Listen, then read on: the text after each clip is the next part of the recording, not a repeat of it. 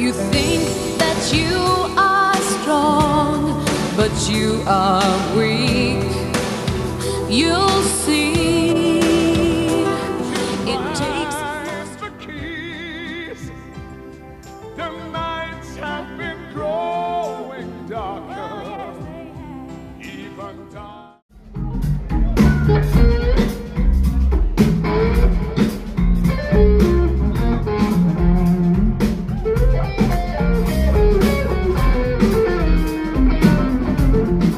Karlsson, velkomin í 2020 leiðir. Já, takk fyrir og bæ- og bæði vegi, þetta er eh, frábært framtækjaður, rosalega flott sem þú ert að gera. Þakka að kella. Hvað hérna, hvað ert þú búin að vera að brasa síðustu vikurnar og mánuðina? Já, þetta er svona, svona breytti tímar sko, ég, ég náttúrulega hef alltaf nóg að gera sko, ég sko, fyrir utan að vera gítarleikari þá hef neila svona meiri tekjur af, af tónsmiðum og lagasmiðum, ég kannski, þú veist þá eh, hef ég verið að gera mikið af svona slökuna tónlist sko og ég eh, fann að bæði, bæði gefa hann út á Spotify og hérna Apple Music og svo er líka með hana á, er mitt eigið app sem ég hannaði og sér áskrift á það. Þannig að svona, ég hef alltaf nóg að gera. Ég, ég, ge, ég gef út svona alveg tvo, þrjá diska á ári þannig að veist, það er aldrei frí hjá mér sko, en, en jú, við áttum nú að fara út hérna messakorti í, í mars til Norex og með tíu gig þar og því var náttúrulega öllu kanstilega út af COVID sko, þannig Þannig að hérna það er búið að færa það eitthvað fram í september og verður bara að sjá til hvað gerir sko en þetta eru búin að vera skrittni tímar, það er ekkert að neyta því. Hmm. Algjörlega. Uh, hvernig hérna byrjaði þú að spila á gítar? Hvernig, af hverju byrjaði að spila á gítar? Hver var kveikin að því? Já, ég byrjaði mjög snemma, ég var nú bara held í sjö ára þegar hérna pappi kipti handa mér fyrsta gítarinn, ég fór, vorum að labba niður laugavegin, það var vestlun sem hétt Liverpool, það var svona plastgítar í glukkanum og ég sagði bara, ég veit hvað þetta svona og, hann kipti handa mér gítarinn, það var nú eiginlega vallat að spila á hann en samt svona aðeins sko og svo hérna, eins og svo byrjaði ég, kefti kef, ég mér alveg gítar þegar ég var svona tíra, þá byrjaði ég að spila og ég byrjaði, svo var ég byrjaði í gítartíminn þegar ég var 12 ára. Og hérna ég var með að læra þá hjá Magga Eiríks og, og fleirum sko. Var ég hérna almenna músíkskólanum læri þá ára gítar. Þannig að, og veist, og svo var ég fann að spila, veist mjög snemma, ég veist 14 ára þá, þá gæti ég orðið spila hérna gítarslóði Highway Star með Deep Purple, það, þeir voru svona upprænulegu áhrifin voru rúflega mikið svona rock, veist, eins og Purple og Led Zeppelin Uriah Heep. Maður læriði þetta allt hérna utan á og hérna og með alltaf með gamla vínilinn og maður læra likkin sko það var svolítið mála að gera þetta sko það verður alltaf að fara aftur og aftur maður er búin að rispa plötuna kannski einu stað sko. Ég myndi, gætna vilja sjá Deep Purple plötuna þegar ég var að læra Highway Star þannig að en já, svo maður gæti maður að spila þetta. Svo var ég fann að ég var fann að verða eins og spila eins og aðtunum að ég var svona 15-16 ára, fyrsta platan sem ég spilaði inn og var Ég syng fyrir þig með Björga Haldófs þá var ég 16 ára gammal Já, ok. Þá, þá mættu, mættu hann og Siggi Kalls og fleiri á að hann var að gera sólblötu sko, mættu henni tjarna, tjarnabúð á staður í, í bænum. Og var að tjekka, hafði eitthvað heyrtum að það var eitthvað ungur sprækur gítarleikar og kom og tjekkuð á mér sko. Svo kom Björk og talaði við mér að þú vildi ekki koma á þetta gítarleikar á, á hlutuna og maður var bara wow, mjög starströkk og það var svona, það var svona fyrsta session jobbi sem ég fekk sko, það var ég þannig að ég var svona að fann að starfarinni eins og atvinnum að bara 15-16 ára sko. En hvernig frétta er af þér? Já, það bara fréttist svona ég maður alltaf hafði þannig áhuga á þannig hlutum svona veist maður getur spila getur slóðið hæfist, það er svona eitthvað svona hluti flassi, sko, það var alltaf fréttist að alltaf sé einhver ungur spreikur og þá var ég í ég Tífóli og það, við vorum svolítið vinsal, við gáðum reyndir ekkert út eitt efni sko, en, en við spilum mikið, það var alltaf fréttist á okkur, þannig að við vorum alveg, alveg nokkuð þekktir þannig sko. Og hvernig gekk þessi sesjón fyrir sig? Var ekki erfitt að koma inn í stúdíu og var þetta ekki alveg nýtt umhverju fyrir þér eða hvað? Jú, maður átti að aðeins þeirra að taka upp sko, en maður var bara svo starfströkk að komast yfir það, þannig að það var Siggi Karls og og Pálmi og Bassa og Maggi Kjartansar, bara maður leit svo orðlega byggi sem var og er mega stjarnar sko, maður var svona, svona og ég var bara hérna litli strákurinn sko byggi kallaði mig alltaf úlingin, já, látum úlingin spila eitthvað, taka solo í þessu lagi þetta, var, þetta var mjög gaman og og jú, svo svona blandaðist maður í þetta og veist eins og verður alltaf með allt fólk, það er sama hvað menn eru frægir og svona, veist, þetta verður á endan verður líka að vinna veist, og, þannig að jú, þetta var bara mjög gaman sko. Og hvað tekur svo við eftir, eftir þetta? Já, sko bara svona sko, byrjaði ég að læra, læra á klassískan gítar. Það var ekkert að læra á rafhansgítar eða neitt svo liðis, fór að læra á hann.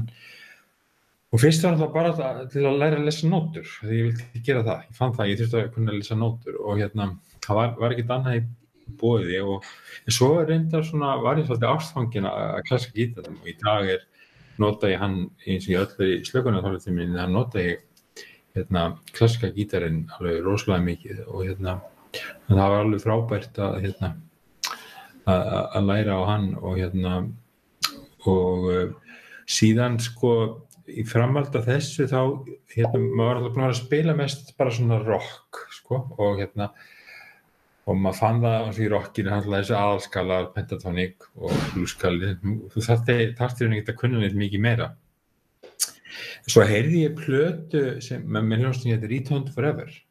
Á verið 16 ára og þar var gítarleikarinn Aldi Mjöla svo heyrði ég eitthvað solo einhverju vestlum sem ég var í og bara, wow, hvað var þetta? heyrði ég að vera einhverju svona að, að öðruvísi skalar sem voru eitthvað miklu meira, ekki bara pentatóningi og blúskali og hérna.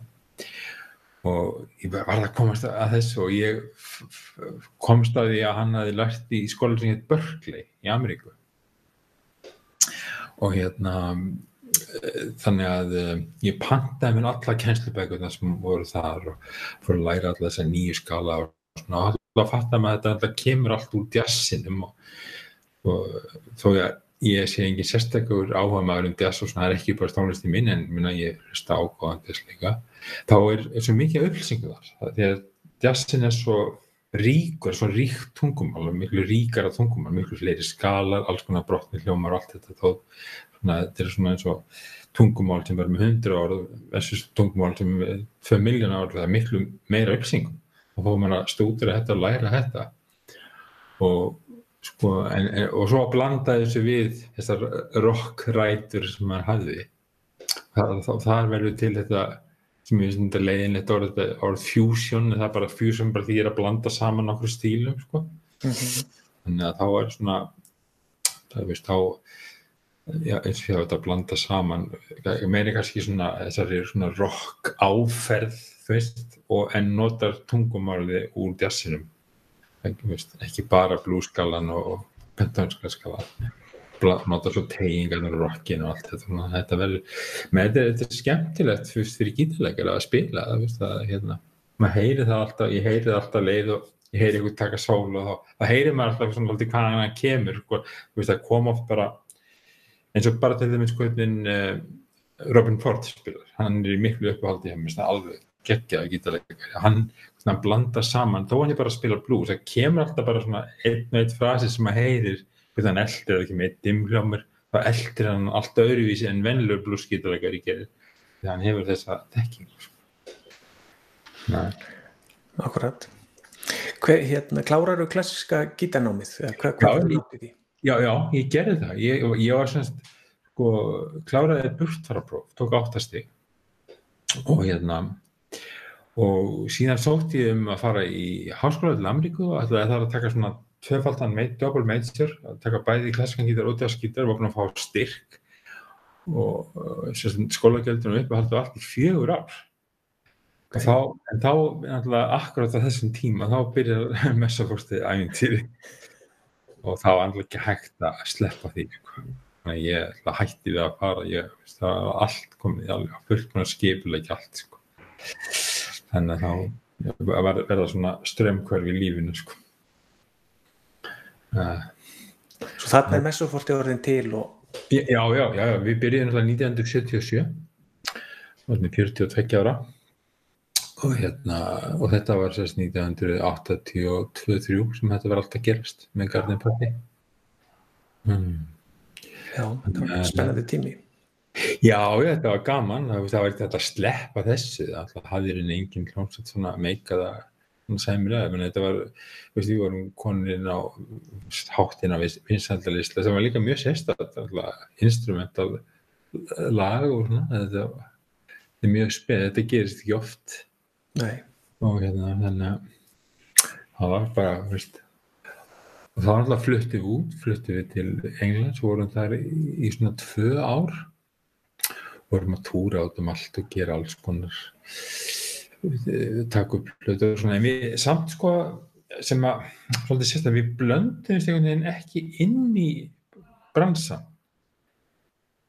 og hérna það er svolítið svona sérstæð sko að við, byggum líka eitthvað í útjæðri í hérna, London í svæði sem heitir Essex sko sem að, að svolítið svona það tekið tvoðlega flott hverfi sko mjög ekki mjög ekki cool byggum þar og svo vorum við bara þannig að við getum blöndumst aldrei inn í sko en, en svo hvort sem er við vorum í tvö ár þá vorum við eiginlega reknir frá Breiðland alltaf var ekki komið EES Európska hérna, EEA segi hérna, Európska efnaðarsvæði var ekki komið þannig að fyrst, við bara urðum að fara og þá komum við aftur heim. Þá kom svona, svona kannski á svona þá vorum við bara svona vissum við ekki alveg hvað ætlum að gera og Kitty Svavar sem var með okkur hann var alveg saxofón og hann var svona svolítið eins og söngverðin í næstöði hann var Mhm. front, hann spilaði í melodín í gardin hann, hann var svona eins og söngverðin sko.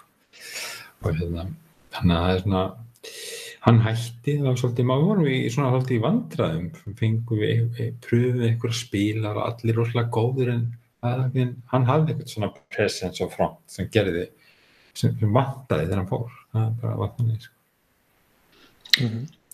Og var eitthvað sem þú hefði viljað gera öðruvísi í þessu Messoforti dæmi þegar þið voru komnir út svona eftir á að hyggja?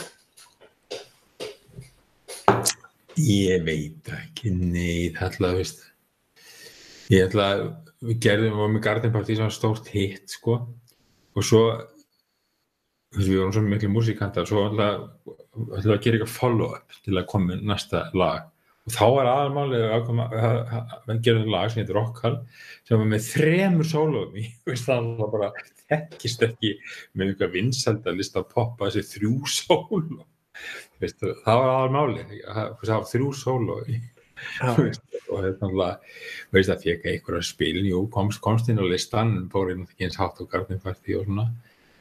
Þannig að auðvitað í dag held ég að maður hefði pælt í að gera eitthvað lag sem að væri kannski svona, svona eðlilegt framhald á garðinparti það er nú vilja að pæli því sko. En við vorum alltaf svo ungir og viltir og veist. Og við vildum náttúrulega ekki hafa söngvara við vildum að hljóðfærin væru aðalmálið að við værum aðalatriði sko. og veist neða, það var svona svo pröðu fengum við söngvara sem var enda mjög góður og hefur aðeins sungið með okkur Noel McCalla, hann er aðeinslegu singer svona jazz singer svona í sem aldjar og stíl og hérna en þú veist, það var svona það var svolítið þegar við vorum að spila svo þegar hann kom að sviði þá, vorum við bara í vinnunni að spila undir sko, undirleikaru það var svona, það, það var ekki það sem, sem Messoforti snerist um akkurat. Hvað tekur svo við þegar þú kemur heim? Þá er bara að fara heim við vorum svolítið bara að við vorum svolítið svona í, smá tilvistakreppa því Kitty var hættur og svona sko. Jú, við vorum alltaf að taka eitthvað upp eitthvað efni, svo var alltaf að að spila hérna á Íslandi og svona sko. Og eitthvað, eitthvað að gera og maður að kenna líka. Ég var svo fyndið þegar á sínum tíma þegar FIH-skólinn byrjaði sem alltaf breytti miklu fyrir rithmíska músík á Íslandi að þá sótti maður alltaf strax um sko. Og já, já, í jazztil og jazzgítar, svo hringdi ég mig, þetta eftir háskólan, já, það fyrir, já, já, heyrðu þú gítarkenslu, já, heyrðu, getur þú kent? Hvað, mennur, ég var að sækja um, þá var enginn til að kenna. Þá, þá var Bjössi Tór endar út í LA að læra í TIT og svo kom hann heim og þá var bara komið svo mikið að nefnda við vorum báðir að kenna og þannig svona kynntist ég að Bjössi mjög vel og við við náttúrulega munni mikið saman. Við, við stofnum um gítarskóla, nýja gítarskóla. Hún gekk mjög vel. Það voru á tímanbíl rúmlega 200 nefnendur, 200-300 nefnendur það var eiginlega ekki mikil samkeppni það var alltaf ólíka aukur en við vorum svona, svona nútíma skóli og vorum alla bestu spilar að kenna og það gekk alveg rosalega vel. Sko. mjög margir sem hafa farið þetta í gegn og þetta var alveg alveg kennsla og mikið af góðum nefndum og veist, kendum alveg upp í svona mjög advanced. Mm -hmm. Þetta, þetta var mjög, skemmtilegt sko. og við, við spilum oft saman og svo fluttum við inn okkur erlenda kennara og svona þetta, þetta var skemmtilegu tími sko. Og hvað, þú, ferð þú ekki svo að læra eitthvað erlendis eftir þetta eða hvað? Nei, nei, nei, ég fór ekki neitt.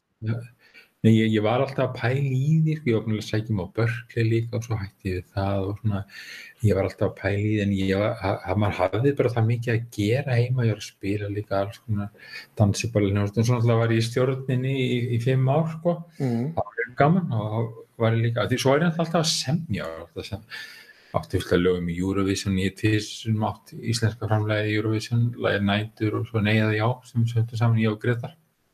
Þannig að ég hef alltaf verið að gera svolítið mikið af því líka, þannig að það var alltaf, það var alltaf nákvæmri stafni, sko, svo að spila í alls konar hljónstum og svona. Og, svo náttúrulega, svo var eiginlega næsti vendipunkturinn var sá að ég, að við gerðum semst eina plötu á pródusser sem hétt Nigel Wright sem hefði pródusserað hljónstum að Sekatak og hann hérna hitti ekkert um að Steina Berg sem var eiginlega mannið til okkar og gerði allt útgjáðin okkar og, og þeir hittist ekkert um hann okkur bara erlendis og þá spyrir sinna til að það er ekki lefið mér að pródusera eina messvortablöðu að því að Sekatak hefði verið mjög successful og með mörg hitt sko. Mm. og, og svona ekkert ólík músík og, og, og svo gerum við þessa plötu og hérna uh, hérna No Limits bara næst best selda mestarfættablöða og hérna það var bara mjög gaman og síðan svona ári eftir þetta þá hérna hefur þessi nættið samband um þá hafði gítarleikarinn í þessari sekundar hans orðið eitthvað veikur og gæti ekki spila byggður mig um að koma og spila inn á plötu, næstu plötunu með þeim. Það var bara mjög gaman, ég fór út og svona það gekk mjög vel og svo var hann svolítið að fá mig eitthvað svona lítil verkefni. Og svo mann ég, mann alltaf eftir þessu svo ég, ég nýbúin að fá farsíma. Mann ekki alveg hvað árið það var og þá, þá var ég að fara að spila með stjórninni í þjóðleikurskillarinn ég spila alltaf það, við spilum alltaf það með helgar gekk mjög vel. Þá ringir hann í mig og segist það að vera að fá alveg risa jobb og hvort ég geti bara komið bara, bara strax í þessi dag eða morgun. Og ég veit hvað er þetta, já þetta er hérna, hérna E-vítu bíómyndi með og Madonna er- leikur að aðalhnutverki og svona. Ég bara, já, ó, já, ok, ég kem bara, skal bara koma á morgun og ég fer út og hérna og við í fyrstu vikuna, það gekk mjög vel. Hefði það gest sko að, Andrew Lloyd Webber hafði eitthvað gengið illa fyrstu vikuna upp og hann rak alla á heil symfóniljónust og rithmasveit og einhver stjórnandi, einhver annar og fær nætt til, til að taka þessi verkefni og hann sagði að ég vil þá að fá ráða hverju ég noti í það og svona að spila og vildi fá mig á, á gítar og á ferji út og síðan er ég í þessu í verkefni í sjö mánuði. Þá fór ég alltaf út á sunnudöfum til London, var að vinna alla vikuna og kom svo heim og spilaði með stjórninni í þörfukjörðan og svo aftur og þetta gekk í sjö mánuði. Þannig að það var og það var síðan til þess að hérna, þá, þá svo mig, vil ekki bara pröfa að koma eitthvað út og, og, og, og hérna, spila? Ég alveg nóg að vinni og svona og veist mér fannst svona, ég hefði svo sem enga að tapa veist, maður var búin að pröfa að gera eiginlega allt sem hægt að gera á Ísland þannig að bara, veist, ég bara veðsetti hús, ég átti hús og veðsetti það og, ákvað bara að pröfa það, þannig að verið sex mánuði, ég var búin að, að kynast þáverandi konu minni og basmáðu minni, það er ekki koma með mér út í sex mánuði.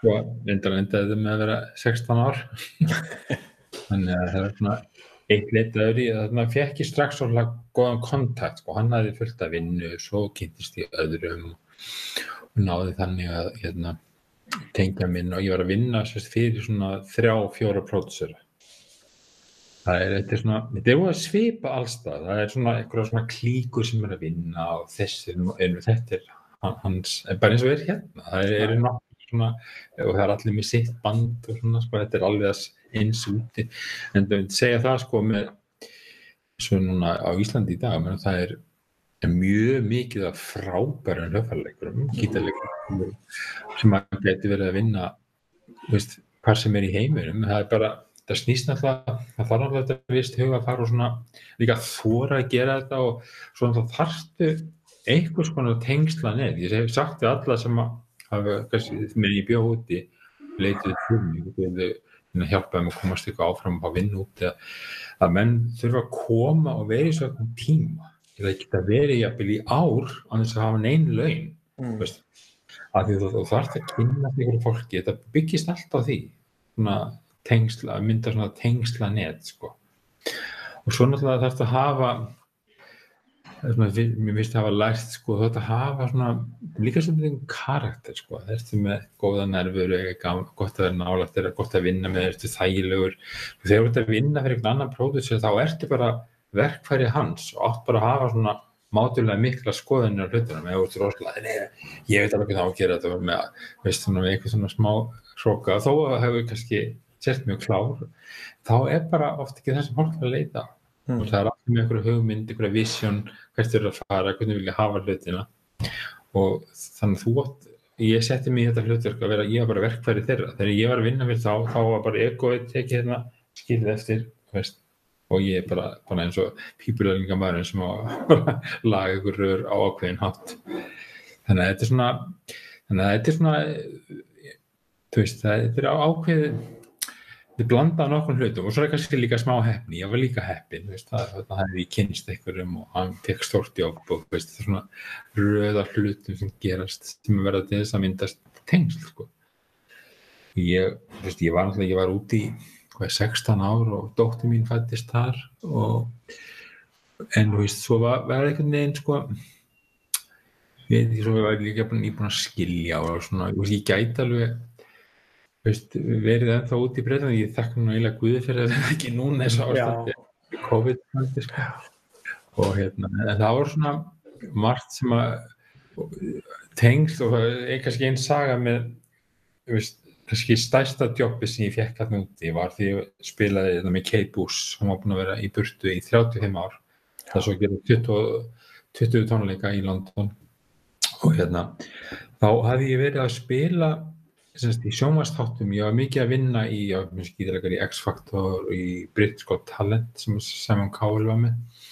Og þá hérna hafði ég verið að spila í þessum þáttum og hérna og svo var einn þáttur, þá var verið að finna einhvern til að syngja hlutverk Jésu, það var svona gerður raunveruleika þáttur, það voru einhverju 3000 sem sóttum að syngja hlutverk Jésu og svo var einn valinn og síðan var að fara á túr um Breitland og akkurat þegar ég er á þessum túr þá hringt í mig, hringir einhver hérna kona í mig. Is that freezing? yes. It's, it's uh, Kate Bush. Yeah sure. Þá held ég að þetta væri einhverja stelpunum sem að var í kastin í sjústað að stríða mér. En svo hlustaði hún skríti og svo bara fór hún að segja hún var að vera með comeback. Og ég ákveðum að heyra eitthvað um það. Og hérna og, og hvort það hérna, hefði verið meldt með mér og hún, þá var hún búin að gera research á mér og hlusta bæða messaforti og á alla slökunum músikina mínu, það er svo mikið uh, vídjóum á YouTube. Og hún hérna hún svo hrifin af því því það vantaði sko svakalega flott band. Það var Omar Hakim og trómleður og hinn gítarleikinu var David Rose sem spilaði með Pete Gabriel frábær gítaristi og hérna svo vantaði einhvern til að spila einn, veist, á klassika gítara og kassagítara á buzuki og ukulele og svona skrítin ljófæri og þá, að fyndi hvernig það gerist. Ég, ég skildi aldrei ástæðan fyrir mér að eitthvað skrýta að ég ennþá þekkti hann ekki neitt og hafði ekkert unni með neinu sem tengist henni. En þá hafði ég einu sinni svona einhverjum þremánum áðar verið að leysa vinn minn af sem heit Lúi Sorpon sem ég spilaði mikið með hann var með mér öllum þessum stóri döpum frábær gítarleikari og hérna, það hefur verið að leysa hann af í sjó í West-End í London í Sisterakt hérna, söngleik eftir þeirri mynd og hérna og verið að leysa hann af bara eitt skipti. Og það var akkurat svo sem að stjórna í hljóðstinni það er, er, er eitt svona MD sem að er aðal, aðal sko, stjórnandinn í svona söngleikjum og svo er það með svona aðstofamenn sko. og þá var hann akkurat að stjórna þetta kvöld sem ég kem og bara gekk mjög vel og, og síðan fekk hann það jobb að, vera svona theatrical uh, manager í sambandi við Kate Bush því að sjói var þannig að það var þrý skipt tónleikar svo var svona eins og tveir svona þættir með alls konar leikmyndum og vídeum og, og hann var að skipilegja það. Svo þegar vantaði eitt þá sagði hann, ég held ég veit akkurat um náungan sem að væri réttur í þetta jobb og hafði sagt henni frá mér sko, ég finnst ekki það þess þetta er svona skrítið þetta er allavega spurningum að líka ég, men ég undirbjóð mig alveg rosalega vel þegar ég var að leysa það vinn mín af. Eins og kannski þeir vita sem að svo að deppa í svona sjó er hlaupi skarði fyrir annað, það er drullu erfitt. Mhm. maður þarf að læra vel utan að setja sig í spór annara svona. Og ég undirbjóð mig alveg sérstaklega vel sko. og hérna þannig að það skilaði sér. Þetta er svona blanda góðum undirbúningi og, og, svona vera þægilegur umgengi og umgengni og hérna og líka kannski að já, smá, smá hefni, þetta er svona nokkri hlutir sem að spila inn í. En þetta var rosalega gaman, þetta var svona myndi ég segja ja, svona eitt að hæla þetta líka bandi með svo Ómar Hakim sko, það, það var að- aftur svona starstruck moment sko, það var eitthvað lítið sko, einn á Íslandi sko. þannig að þetta var svona rosalega gaman. En þetta var svona um það þetta var 2014, þá var ég svona ég væri eiginlega komin heim sko. Þannig ég svona en svo fór ég út sko, svo ég, hef ég fengið eitthvað tilbóðum að fara út að spila síðan sko, en það var ekkert svona einhvern veginn heilla mér þannig að ég er svolítið þannig að ég, maður hugsa sér að maður langar til að gera eitthvað að láta eitthvað gerast. Og þegar það er búið að gerast þá er ég búið með það. Að langar mig að fara í næsta verkefni sko, mm. veist, ég verður svona svolítið, fljótt leiður á að gera sama hlutin. Þetta er bara eins og í messáratu við erum að spila við erum alltaf, er hvernig lögin sem við erum að spila núna live hljóma. Veist, það er það er alltaf öðruvísin á plötunum. Og oft eru það miklu betri núna, miklu lottari þannig að við erum alltaf að finna einhverja nýja vinkla til að halda áhuganum sjálfur sko. gera þetta skemmtilegt veistu hvað það er sem að gerir þig af eftir sútum gítarleikara? ég veit ekki, ég er svona veist, ég, ég get sko að ég hafi hjálpað mér mikið að hérna, að ég get spilað nokkuð marga stíla, ég, get spilað flottan, eða fyrst klasskan gítar, ég er búin að læra á hann og svo alltaf hérna, kassagítarinn kom svolítið sent inn hjá mér, því að ég alltaf var veist, mikið að spila bara rock, deep purple og svona og svo þetta fusion og svona. En svo hérna þegar ég kom til Breitlands þá fatta ég það, ég þurfti að vera góður strömmari, því ég hef aldrei verið góður strömmari þegar ég, maður alltaf eftir fyrirvændi kærasta mína ef ég einhvern partí, mér alltaf þegar ég spila gítarinn og ég kunni ekki þessi lög hún kunni sko hálfgrip þegar ég var eftir fyrsta þá reyfin að þú kannt ekki fyrst og ég hafði aldrei einhvern veginn master að bara að spila góðan kassagítar bara gott strömm og svona. Ég tók það í gegn úti, fatt að ég þurfti að bæta því við. Ramagnu var alltaf ágætt og get svona feikað jassi nokkuð vel. Ég held að það sé kannski svona, svona fjölhæfni að ég er búin að veist, bæta við mig. Og gerði það meira úti ég kannski ég bæti ekki við mig samt þetta fusion eða rocka en, en hérna en bætti við mig svona veist, það sem ég var, var með veikar hliðar veist, að bæta við þekkinguna þar og, og bara eins og þegar ég var að spila í stjórnin það var alveg frábært því þá vorum við alltaf fyrir utan að spila stjórnarlegin þá vorum við fylgt að coverlögum sko, og alls konar rocklögum og svona læra þetta vel og reyna að fá sandið og ég, hef alltaf haft áhuga á sandið í svona græjukall sko, gafan að fyrst í græjum og, og eins og þegar ég var í X-Factor í í Breitlandi þá tókum við upp kannski 12 lög á þrejum tímum. Og þá hefur maður svona prógramar öll samtíðin að gera allt sko, og mæta reddi bara og svo bara fyrsta lagi, veist, tvö teik búið fyrst, og vera allt tilbúið sko, þannig að það var svona þá, það, eiginlega það sem nýttist mér í þeim þáttum best var að hafa að spila með stjórninni. Mm. þegar við vorum að spila svo mikið að rocklögum og, og alls konar koflögum að læra þess að parta svona að ég ætla að spila svo mikið bara fórt og eitthvað fusion það nýttist ekki mikið í, þessu sko. Þannig að svona kannski bara þú veist að ég er bara þegar ég vinn fyrir aðra þá hérna er ég bara þannig þá er eini alltaf þjóna þeim og láta drömmuna þeirra rætast sko og mm. set mína til hliðar sko og svona reyna að vera þægilegur menn ég var alveg séð það veist menn ég kynst alltaf verður alveg frábæra spilum bæða í Íslandi og í Breitlandi og, og það veist, kemur alveg fyrir að vera ráða menn í einhvern jobb að það er ekki alltaf sem besti spilan er valin stundum verða, veist svo sem er þægilegastur að vinna með og svona, það kemur þetta fyrir að menn eru ógeðslega flinkir og vita það sko, kemur einhvern svona smá hróki sem að oft hjálpar þeim ekkert með að vinna með öðrum. Mm. það verður það, þeir vita allt og geta allt og þess að það er svona auðmygt að, að praktísina hana ég vil ráðleikja ungu spilurunum það er eitt af því sem átt að rækta auðmygt sko. það er verið, bara þakkláttu fyrir að fá tjópin og, en það er alveg frábært í Íslandi að konið svo margi geði ekki spila allir þessum ungu spilur eins og þú sjálfur og, og hérna veist, Kitty Greta, svo það vissi ekki fyrst strák getur verið að vinna hvar sem verið í heiminum sko. það er rosalega gaman að sjá þetta Algjörlega, það er, það er mikið af, af góðu tónlistafólki að koma upp. Já, algjörlega. En þú ert hérna með slökunatónlistina, hvernig, af hverju fórst út í slökunatónlist? Það var bara þannig, ég hef alltaf haft svona á, áhuga á andlega málum, ég lærði til dæmis sko innhverju íhugunni því ég var bara átjónara og hérna svo, þetta var þegar ég átt í Breitlandi þá, þá fór ég eitthvað jókatíma og mér finnst músikinn svo leiðileg svo tíma, ég ákveði bara að gera minn eigin minn eigin jókadisk ég bara samti fyrsta diskinn þannig bara fyrir sjálf og svo var einhvern hérna, vá, þetta er flott. Ég er ekki að fá kopið þessu og þá var þetta fleiri og fleiri sem að svo ákveði ég bara að pröfa framlega hann svo hann seldist rosalega vel. Hér lífsins fljóð sko, svo er ég búin að gera 20, 25 diska síðan sko, þetta er bara svona þetta tengið saman veist, áhuga málu mitt sko, og tónlist. Og þetta er náttúrulega það sem ég gerir mest af dag. Ég er alveg að framlega semja tvo-þrjá svona tilla á ári.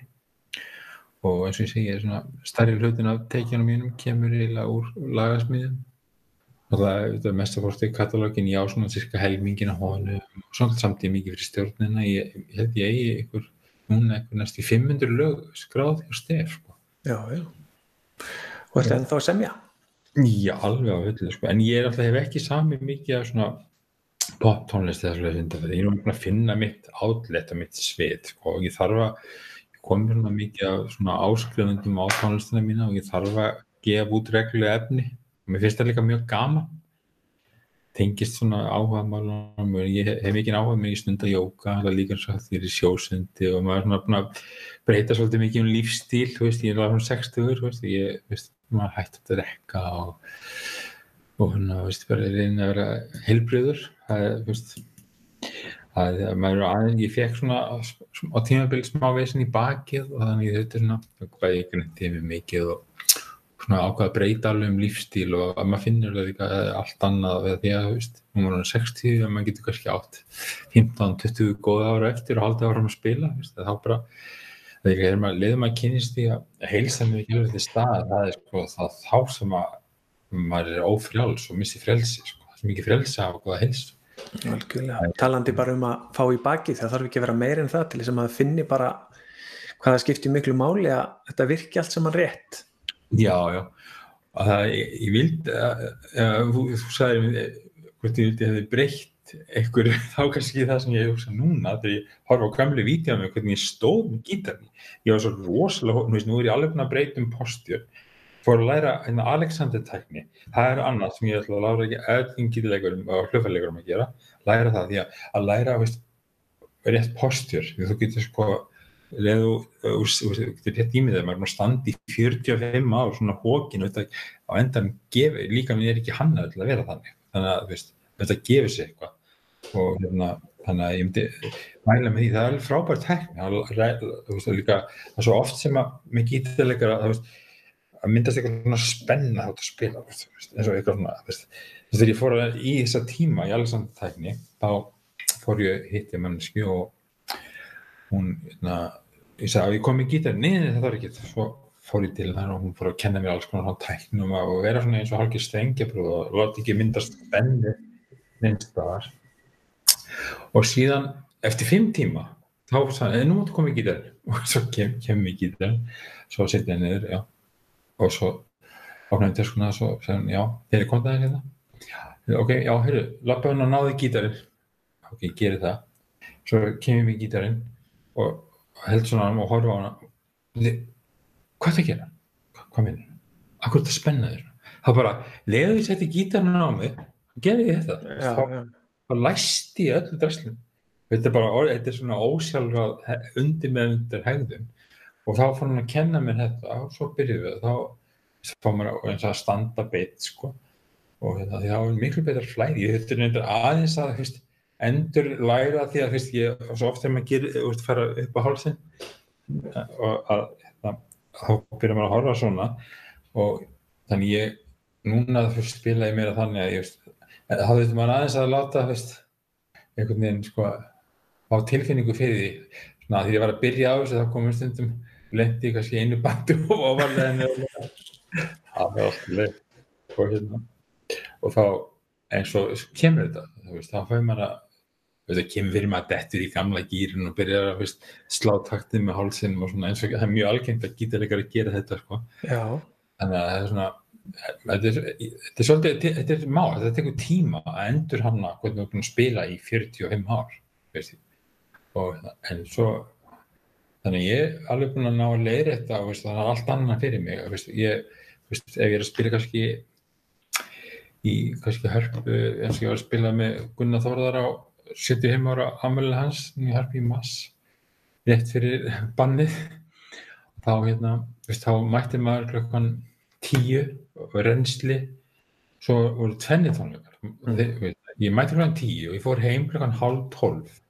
Og ég var ennþá, veist, maður var orðin 60 og ég var, alveg, ég var ekki eins þreyttur eins og ég hefði verið kannski 10-3 árum áður, því nú er ég búin að breyta svolítið mikið um og svona er maður í gimminu að lifta og svo stundar ég jóka fyrir liðleikan og svona þetta skiptir gíflegu máli sko. og það er bara endist maður lengur sko.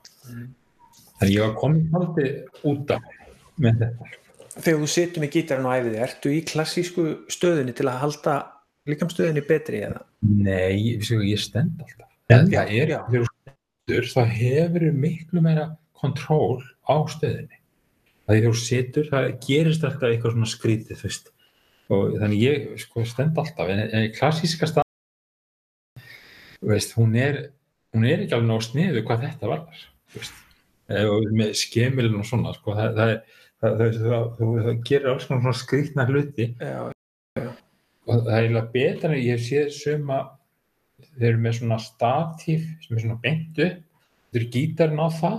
Já, Veist, það er betra, þá er þetta með miklu betri stöðu.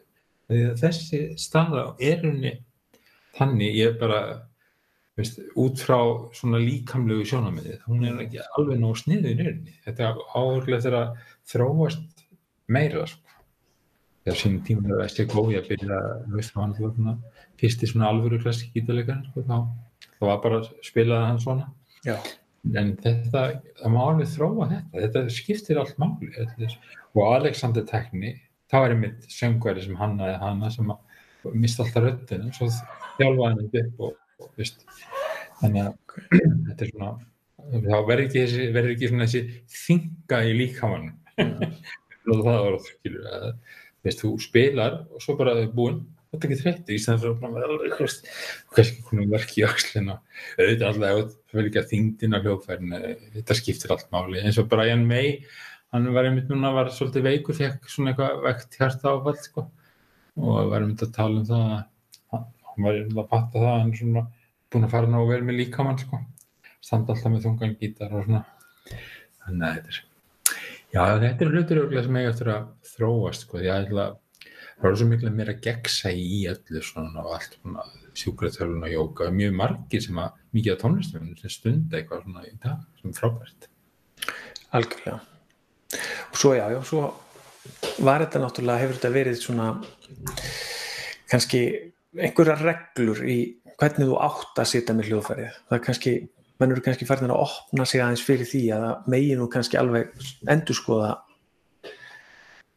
skoða það algjörlega, það er, það er líka er hérna svolítið erfitt að aðlæfa sér nákvæmlega sama fyrir og þetta finna allir þetta fólk er misjaflega byggt sko þú veist, þú getur verið með veist, eitthvað mist vöðva ójafnvægi sem verður sterkir og aðri veikir þá taka alltaf verða sterku vöðin alltaf frekir. Og það er ekki, ekki, víst að það hend alltaf sko.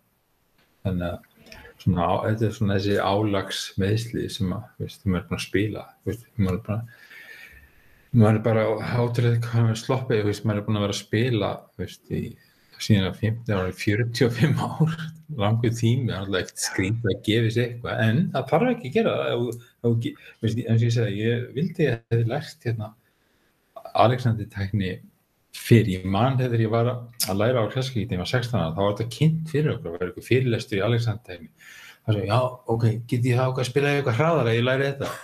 Já, þetta snýst þá ekki um því að það engan á það geta spilað mjög rætt og þá, ég, en sem, þú veist, það hefur verið frábært þannig að við lært þetta sín tíma. Mér finnst það að það hefur alveg skilda fyrir alla þjóðfæðleika að læra þetta sko. það er svona já, þetta getur alveg klárlega breytt einhverju fyrir marga. Já, algjörlega. Því að flestir sitju eins og, eins og rækjur það er alveg klart mál sko. já, einmitt, algjörlega. Uh, ef við förum aðeins aftur til London, hvað hérna áttu ekki einhverja, einhverja skemmtilega sögur úr, úr bransanum þar Jú, það er svona já, bara já, ég er nú kannski búin að segja svo ske skemmtilegustu sjóinu með Já. Kate Bush þegar hún Já, hringdi í mig. það var alveg, eh, eitthvað sem ég gleyma aldrei sko, það var svona stórt moment það var alls konar, ég var í var í þessum þáttum sko, til dæmis þarna ég var í X-Factor og þá var það var eitt moment þá sem að segja frá þá, þá var að því að Simon Cowell ætla, svona kemur lítið út fyrir að vita allt, hvernig allt á að vera í tónlist og svona og svo var ég að spila þá var svona ákallað Judges Home Visit þá var og komið, það voru sex keppmyndur eftir þá komið heim til dómara svo þetta var tekið upp á hérna á Ibiza. Og hérna þá um, var hann með hérna tvær svona stelpuljónstir og hann, hann vissi ekki alveg svona, var alveg vandræðum með hvað hann ætti að taka að velja sko. og þetta var svona hann var, eitthvað að tala um þetta alltaf off camera sko, því hann alltaf við kennir aldrei að hann veit ekki akkur hlut með að vera sko. það er svolítið meika á því og reyndar hefur oft alveg eiginlega alltaf rétt fyrir sér en hérna, hann var alveg í vandræði með þetta og, hérna, og ég var, semst, ég var bara að spila undir, bara einn. Það var í þessum þáttum, það var bara var alltaf bara hérna, annarkoð piano og maður fólk, fólk mátti velja hvort vildi piano eða kýður ég var að spila, svo var hann með þessar tvær nefnst, og hann, hann var alveg að segja, ég veit ekki hvað ég var að velja sko, og ég Prissy, what do you think? Og ég sagði, er ég að skýna þetta að spyrja mig, þú veist það já, well, this is off, sorry, this is off camera þetta er er ekki á og hérna og ég sagði, já, ég, ef ég veit alveg hvað ég myndi velja það þú veist, þessar stelpur hérna geta ekkert samið og það, það er veist, það, það eru bara svona nokkuð sætar og alltaf og geta sungið sæmilega en hérna geta alltaf samið og svona það er alvöru ingredients hvernig verður þetta sjálfsögði og alveg nóg good looking já, minna, já, ok. Já, svo, svo þegar svona hálftíma síðar þá ákveðan að sig og þá býr hann til ykkur rosa sig hann hafi þegar maður ákveða hvort hann ætlaði að velja og svo sagði hann það sem að ég hefði sagt og út af hverju af því það getur samið og svo. Ég vildi ég vildi ég hefði ætti þetta atriði svona upptekið sko. Já, það hefði verið, verið gaman að eiga. En það var, þátturinn er til held ég á YouTube sko en það- þetta aðrið er ekki hann. Og annað svona skemmtilegt moment það var hérna að fyrsta lagi sem ég lærði að spila á kassagítarinn var Morning Has Broken sem að er reyndar ekki eftir Cat Stevens en hann, hann gerði það frægt. Og það er svona skemmtilegur gítarpartur Morning Has Tuned svona strömpartur. Og þetta fyrsta sem ég lærði og hérna og svo fekk ég einmitt hérna önnur annars skrítið síndal og þá hringdi manitsirinn hans hann heitir nefndar núna Jussi hann er orðin muslimi í mig og, og sagði að hann var að gera nýja plötu og hvort ég var ekki til að spila á gítar þá var þetta einn vinur, sameiginlega vinur sem hefði mælt með mér og, og þá var einmitt hérna uh, þá hérna mann þegar vorum að ég saði hann þessa sögu að fyrsta lagi sem ég hef lært að spila á gítarinn hefði verið Morningas Bóki og ég baði hann um að sína mér að það, ég, veist, það var það er einhvern veginn að hann spilar á gítarinn eitthvað þetta sérstætt, baði hann um að sína mér hérna hvernig hann gerði gripin og það var og tekið svona víti af okkur saman. Þá var hann að ke- kenna mér kenna mér Morningas Bóki sem er bara svona einpöld vinnukonu grip sko, en það var hvernig hann gerði það sko, það var eitthvað alveg matsikal svo vorum við að taka þetta lag upp það var rosalega, þetta er svona gaman að, veist, þannig ég fengi að upplifa svona nokkur alveg geðveik moment, sko, þú veist, þá ég hitta svona fólk sem var leit rosalega upp til og vera svo að vinna með því, sko. En það er svo skrítið með þetta, það er við erum náttúrulega alls bara mannfólk og, veist, og þetta á, á endanum er þetta bara þetta er bara vinna þín, þetta er það sem þú gerir veist, svo varstu frægur maður mað fær alltaf eitthvað svona samt svona, maður fann að sjá fólk mikið í fjölvin og svona fyrir að líta svo rosalega upp til það, bara eins og Madonna, veist, hún er alltaf hún er alltaf mjög mikið egoisti og svona, svo þegar maður kynntist henni betur og þá þá svona, var hann aðeins veist, þá, að ég, veist, aðeins lækkaði þarna álítið, sko. Veist, eitthvað sem er svona frægur en þetta er oft er þetta fólk sem er veist, svona mjög sjálfkvært og svona, þetta veit hvað það vill og svona, veist, verður ekki skoðanir, og svona, en veist, þetta er alltaf bara það sem það gerir og En við lendum auðvitað allir þessu, þegar maður er búin að sjá fólk náðu mikið í, í fjölmiðlunum, þá fyrir maður auðvitað að setja eitthvað svona starf. Sko. Þetta er alltaf bara manneskur sem svo ég og þú. Já. Ertu með einhver svona heilræði fyrir gítarleikara, unga eða, eða eldri sem vilja komast áfram í bransanum?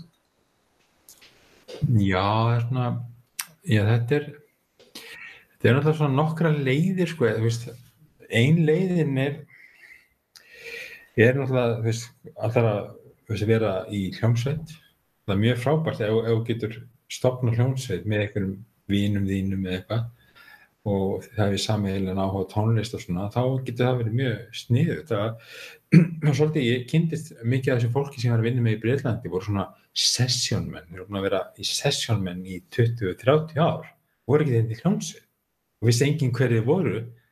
Svo, var ég, þegar maður kannski tala um eitthvað, vá, æðislegt solo þessi, já, er spilað ég, þá vissi maður það ekki, sko. Að, að því að þeir, veist, þeir voru bara sess, sessjóngæðin sem enginn sundum með nafnið er á, á diskum og sundum ekki, sko. Þannig að þetta er svona þetta er svolítið svona lonely existence sko. Að þetta er svo við messakortur, við eigum þess hljómsveit saman og þetta er ein leiðin, að vera í hljómsveit sem er gaman og ef það er gott kemistri og svona, það getur þetta ennst með þess að messfráðum voru til í 42 ár. Ekki það að við erum ungir með að við stöðum en svona þetta er svona ein leiðin sko, svo ef þú ættir að verða veist, svona alliða sessjóngítarleikari en það er bransin eins og nýtt dag það var alltaf kannski ekki rosalega mikið að gera. Þú veist, þess að ég var í Breitlandi veist, það var svo mikið að gera í upptökum. Ég byrjaði ekki á tíumótana 10 til 1, eitthvað einn sessjón og svo önnur frá 2 til 5 og svo er eitthvað sem ég leikur um svo kvöldu maður var að vinna allan daginn. Já. það var mjög gaf, en þú veist þetta industry er unni ekki til lengur nema leikurslutin þetta leindar leikur allt niður núna. En, en veist þannig að þetta er svona en, en ef þú ætlar að vera sessjónleikari þá er málið að, að geta spila svona nokkuð skamlust marga stíla veist. Að ég fekk ég fekk stundu vinnu úti var valinn að því ég gæti spila bæði á kassagítar ramas og nælongítar vel, sem er réttir í tæknin og svona. Það var mjög margir sem voru bara æðislegur ramasgítar eða ákassagítar eða einhverju sem voru bara góðir í, í, í klassikagítar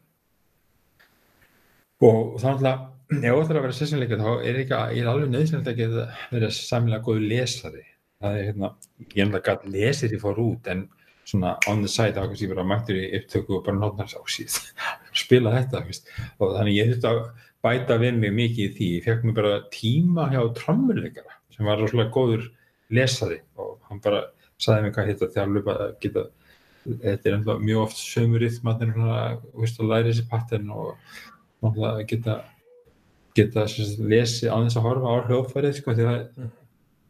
og svo þurftum að líka læra að fylgja stjórnanda af því að þá er kannski e- e- þetta læra svona þjálfur svona preferal vision að geta höfst hort á nóturnar og stjórnandan um leið og spila.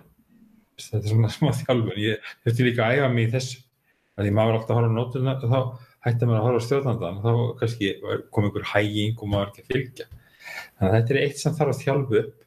Þannig að ekki kannski mikið af svona aðstæðum til að gera það hérna en það er, veist, það er alltaf að fá okkur til að hjálpa sér þetta er eitt sem að maður þýrst að geta gert svona nokkuð vel og eins og segja og svo líka með soundin veist, veist að vera með gott sound og veist, sko í sessjón mennskunni eins og ég var á árið með einhvern 20 speisa rakna í skáp veist, með mismæði einn mesabúki magna, einn massjál og alls konar en það er það, veist, þetta var ekki bara eitthvað bull það var ekki að geta fengið mismæði sound veist. Mhm. Og en núna í dag er þetta að fá bara einn pedal með þessu öllu sko, veist, alveg ótrúlega gott. Það er eitt að vera með þetta hreinu veist, kunna á græðina, kunna tappa díli og gera alltaf þessa hluti. Það er svolítið atriði sko. og hérna, þannig að þetta er svona í samtíð við þetta. Og svo er bara eins og ég talaði um að að praktisera þess að auðmíkt sko þessi þú veist að, að maður gefi eitthvað líka meira sem persóna að- af sér. Er mjög veist, að þú hafir eitthvað að gefa fólki líka fyrir utan að spila sko.